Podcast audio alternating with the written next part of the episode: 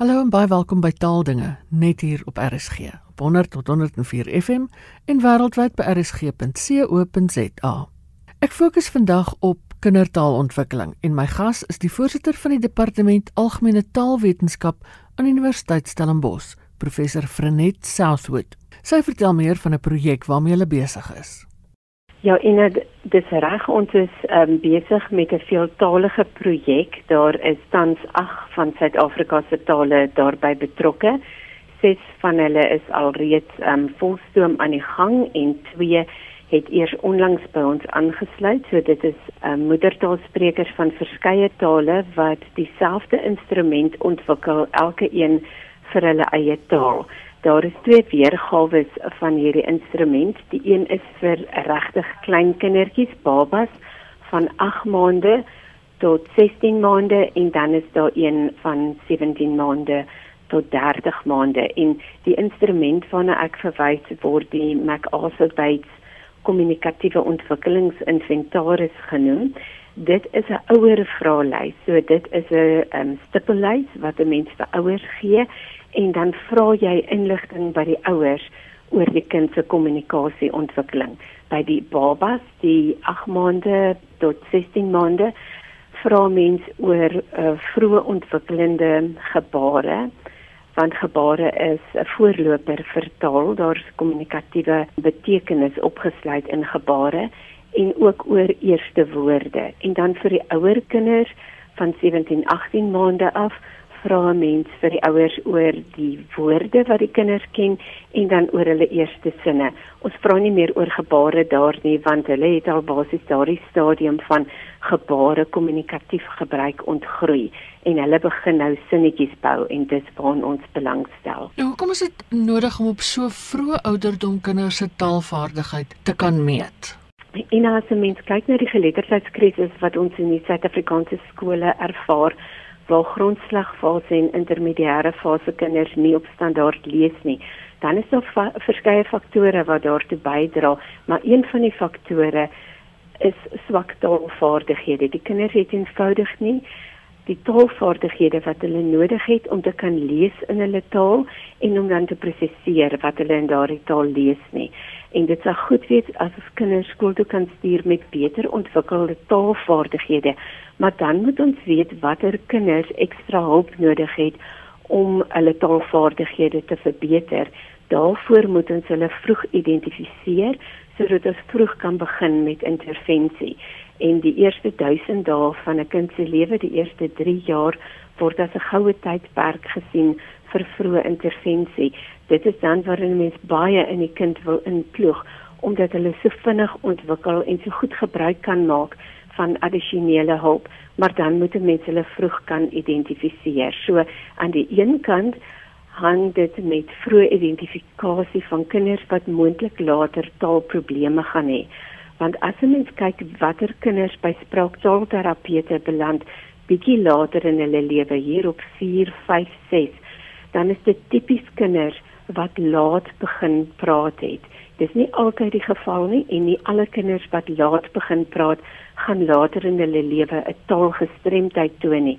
Maar laat ontwikkelende woordeskat is een van die kenmerke van van die uitstaan eienskappe van taalgestremdheid in kinders.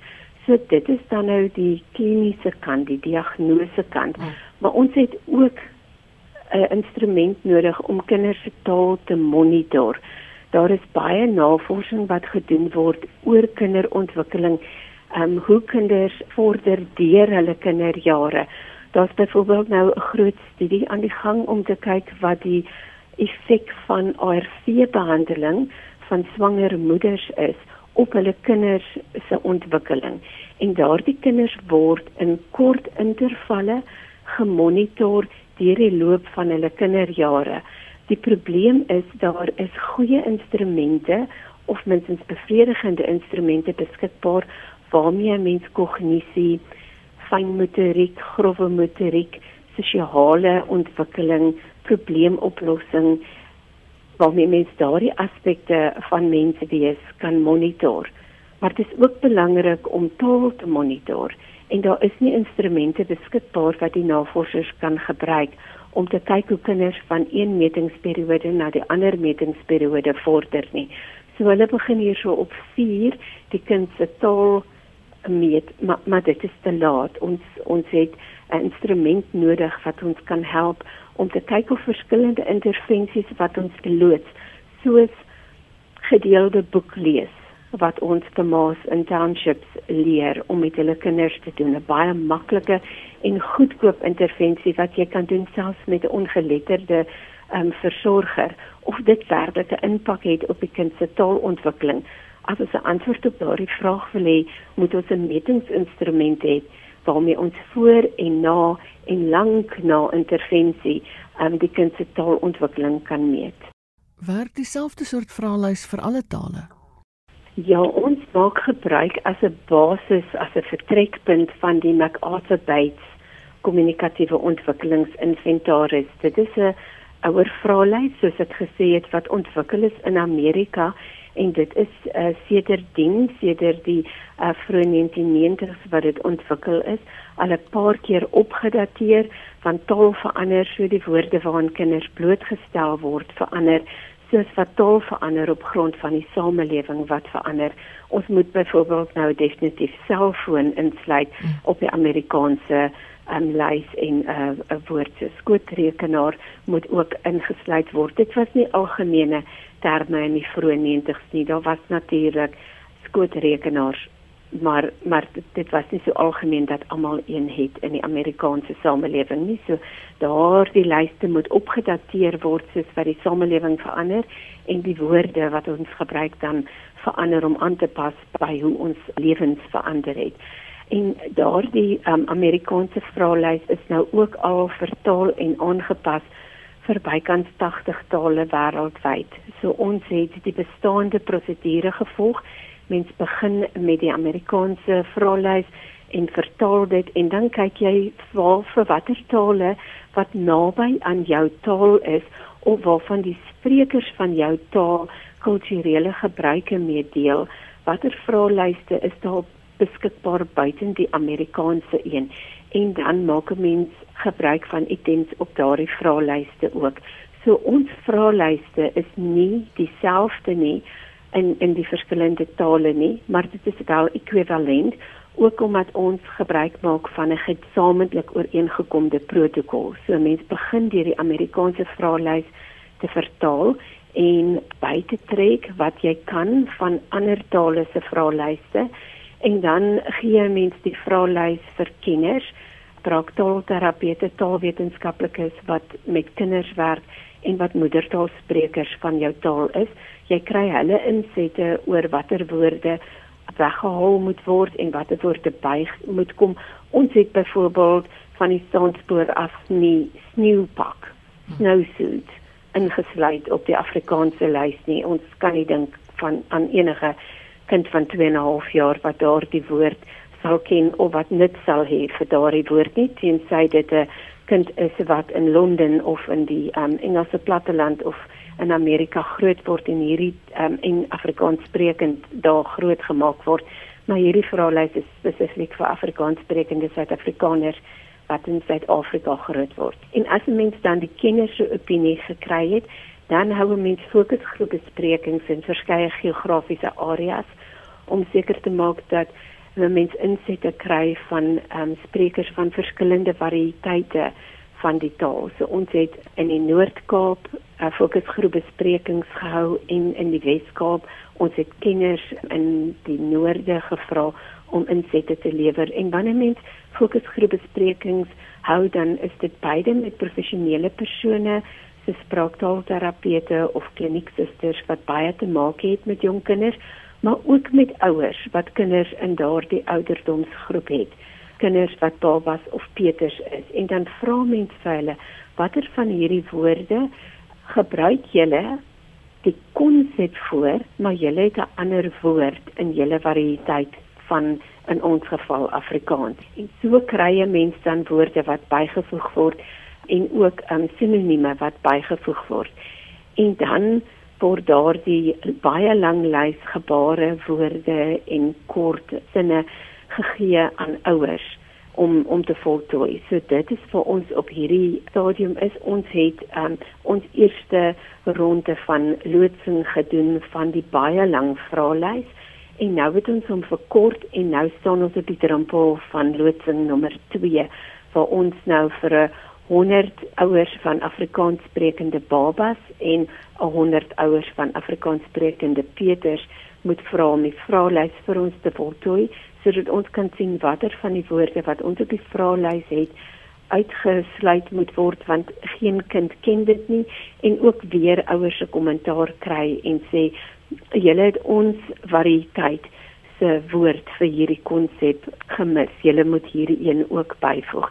En al die tale volg hierdie protokol. So op die ouend wat ons kry is 'n vraelys wat dieselfde semantiese kategorieë dek. So almal het 'n kategorie vir klein huishoudelike items. Almal het 'n kategorie vir kossoorte, almal het 'n kategorie vir klere, maar nie almal het dieselfde woorde daarin nie. Byvoorbeeld by kositems het ons pap en ons kan slappap en stywe pap byvoeg. Engels in Engels is daar net porridge. Hmm. Porridge teenoor cereal. Maar in van die Afrika tale is dit baie belangrik om 'n onderskeid te maak tussen die verskillende soorte pap want kinders teen 2 en 'n half ken al al daardie woorde vir die verskillende soorte mieliepap wat berei word. So in Engels is daar nie soveel woorde vir pap nie, maar daar is weer 'n woord soos donut wat nie noodwendig in die Setswana weergawe is nie. Ons probeer om per kultuur en taal woorde te kry wat relevant is vir daardie spesifieke kultuur en taal. As daar woorde is wat gedeel word deur die ses tale, dan sluit ons dit beslis in en dan probeer ons om die grootte van die verskillende kategorieë daar so 35 kategorieë om hulle min of meer dieselfde lengte te hou sodat een vraelys in Setswana nie opeindig met 800 items in die Afrikaans met 500 items nie want ons wil dit as ekwivalente navorsingsinstrumente kan gebruik op die ou end. En ook ons wil um, tweetalige kinders se taal met die twee taalweergawe kan toets. En dan wil ons weet dat hierdie taalweergawe hulle is nie presies dieselfde nie, hulle is nie vertalings van mekaar nie, want dit sou sinneloos gewees het, want dan sê ons dat elke Afrikaans sprekende kind se lewenservarings presies dieselfde is as elke isiXhosa sprekende kind se lewenservarings wat ons weet nie die geval is nie. So dit kan nie dieselfde wees nie, dit kan nie vertalings wees nie, maar dit is vergelykbare ekwivalente van dieselfde instrument. En daar seker ook verskille tussen platlandse en stedelike leefwêrelde. Absoluut. En wat ons vind by die meeste kindertaalassesseringsinstrumente is dat dit bevooroordeel is teenoor kinders wat um, teen 'n sekere groep kinders. So kinders wat plattelands is en kinders wat sosio-ekonomies nie so sterk is nie, word tipies benadeel hulle tellings is gereeld gelyk aan aan stedelike stedelike kinders wat taalverwerwingsprobleme het. Hmm. So hierdie instrumente oor-identifiseer tipies ontwikkelende plattelandse kinders en tipies ontwikkelende kinders uit lae sosio-ekonomiese gemeenskappe as kinders met taalprobleme. En dit is nie die geval nie. Dit is kinders wie se taal anders is ja. en die instrument wat gebruik word om hulle taal te toets is nie geskik vir hulle nie. So ons het doelbewus fokusgroepbesprekings op die platteland ook gehou en ons dek wanneer ons steekproefneming doen die volle sosio-ekonomiese spektrum. So sosio-ekonomiese status is by is, is geensins 'n um, uitsluitingskriterium nie om die waarheid te sê monitor ons die mense van wie ons data al ingesamel het en kyk dat ons die hele sosio-ekonomiese spektrum dek en dan teiken ons spesifiek mense in landelike gebiede en mense in stedelike gebiede en ons doen dit 50-50. So 50% van die ouers van babas wat ons vraelys beantwoord moet landelik wees en die ander 50 stedelik en dieselfde geld die Pieters. Hmm. En ons het ook 'n besluit geneem as as ons moet besluit oor die insluiting en uitsluiting van 'n woord, al die taalspanne gaan dit doen en dit is 'n woord wat deur baie landelike kinders geken word, maar nie stedelike kinders nie, dan gaan ons die woord inhou sodat ons um, 'n vraelys het wat beslis nie diskrimineer teen landelike kinders nie. Stedelike kinders het baie geleenthede, hulle taal ontwikkel anders en hulle het ook ander geleenthede om hulle taal te verbeter.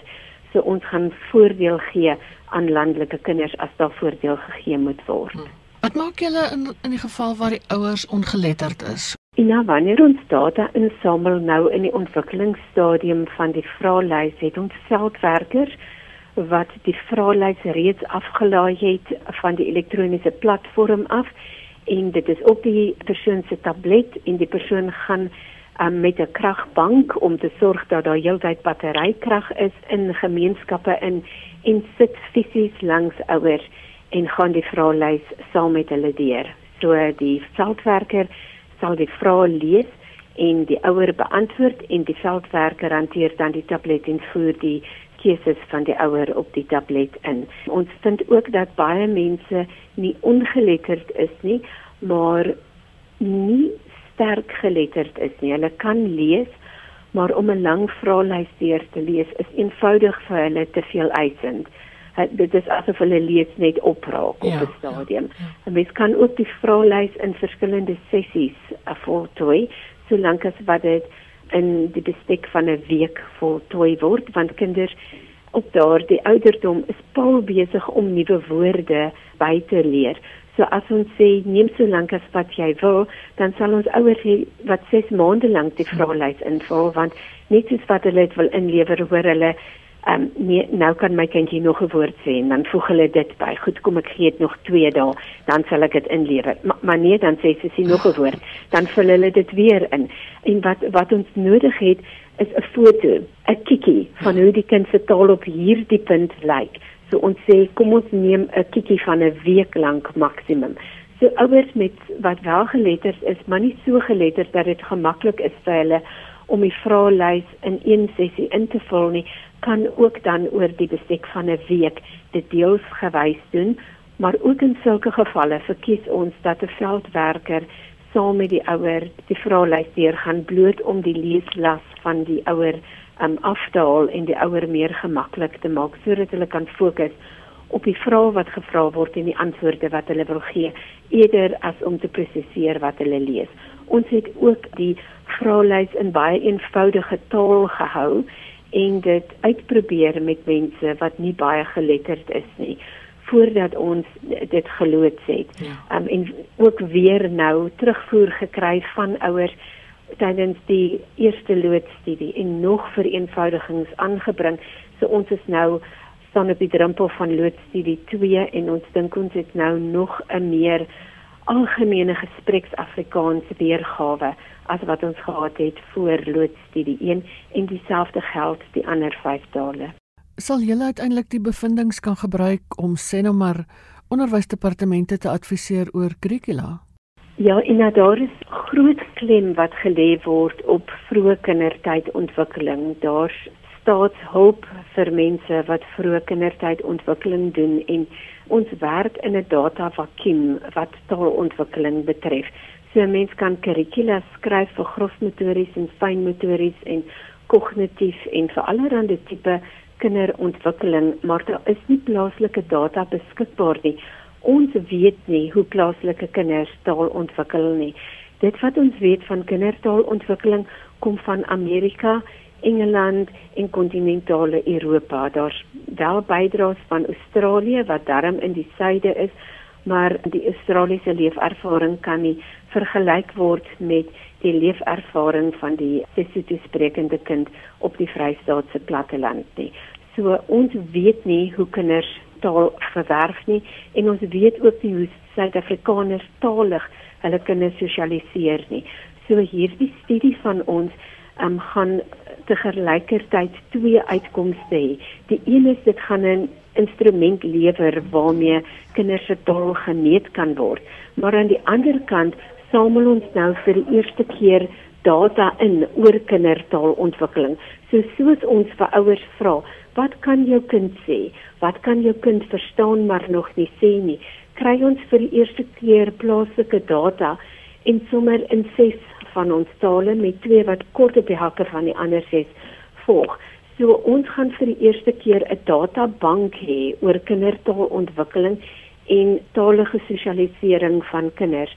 So dit gaan ons beslis kan gebruik om vroeë kindertyd ontwikkelingswerkers se kurrikula te herskryf en meer toepaslik te maak vir ons plaaslike kontekste. Ons gaan ook vir die eerste keer data hê wat gebruik kan word om die um, universiteitskurrikula te dekolonialiseer. Want wat ons tans vir ons sielkundige studente, opvoedkundige spraaktaalterapeute, enige iemand wat met kinderontwikkeling te maak het en in daardie rigting studeer, wat ons tans vir hulle aanbied oor kindertaalontwikkeling is noordelike kennis. En dan bedoel ek nie die noorde van die land nie, maar die noorde van ons wêreld en dit is nie noodwendig toepaslik vir ons kontekste nie. So ons gaan nou mense kan oplei wat met kinders werk en met kinders moet help om taal optimaal te verwerf. En ons gaan dit kan doen met plaaslike data wat ons weet geskoei is op ons kinders en en die wêreld wat hulle ervaar. Vriend, hoe kan luisteraars betrokke raak by die projek? En as ek gesê het, ons staan nou op die drempel van loodstudie 2. Daarna gaan ons nog 'n klein geldigheidsstudie hê en dan begin die baie groot werk waar ons hierdie vraelys nasionaal gaan normeer vir al die tale ehm um, wat ons dit beskikbaar in het en ons hoop werklik om intussen voorvat kampioene te kry vir die drie ontbrekende amptelike Suid-Afrikaanse landstale ook. Ehm um, so in die groot normeringsstudie gaan ons 2500 ouers per taal benodig om die vraelys reg oor die land in te vul. Vir hierdie loodstudie 2 kan ehm um, ouers wat Afrikaans sprekend is en hulle kinders in Suid-Afrika Afrikaans grootmaak al is daar Engels of ander tale wat ook betrokke is in die kind se lewe van 'n ouma of 'n versorger um, of bure dan kwalifiseer die ouers om deel te neem aan hierdie loodstudie.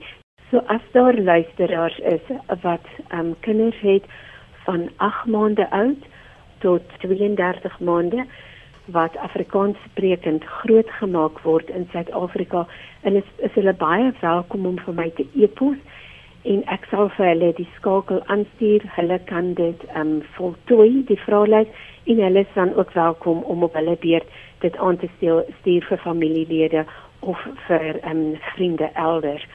My e-posadres is my voorletters, dis F S S U N A C Z A.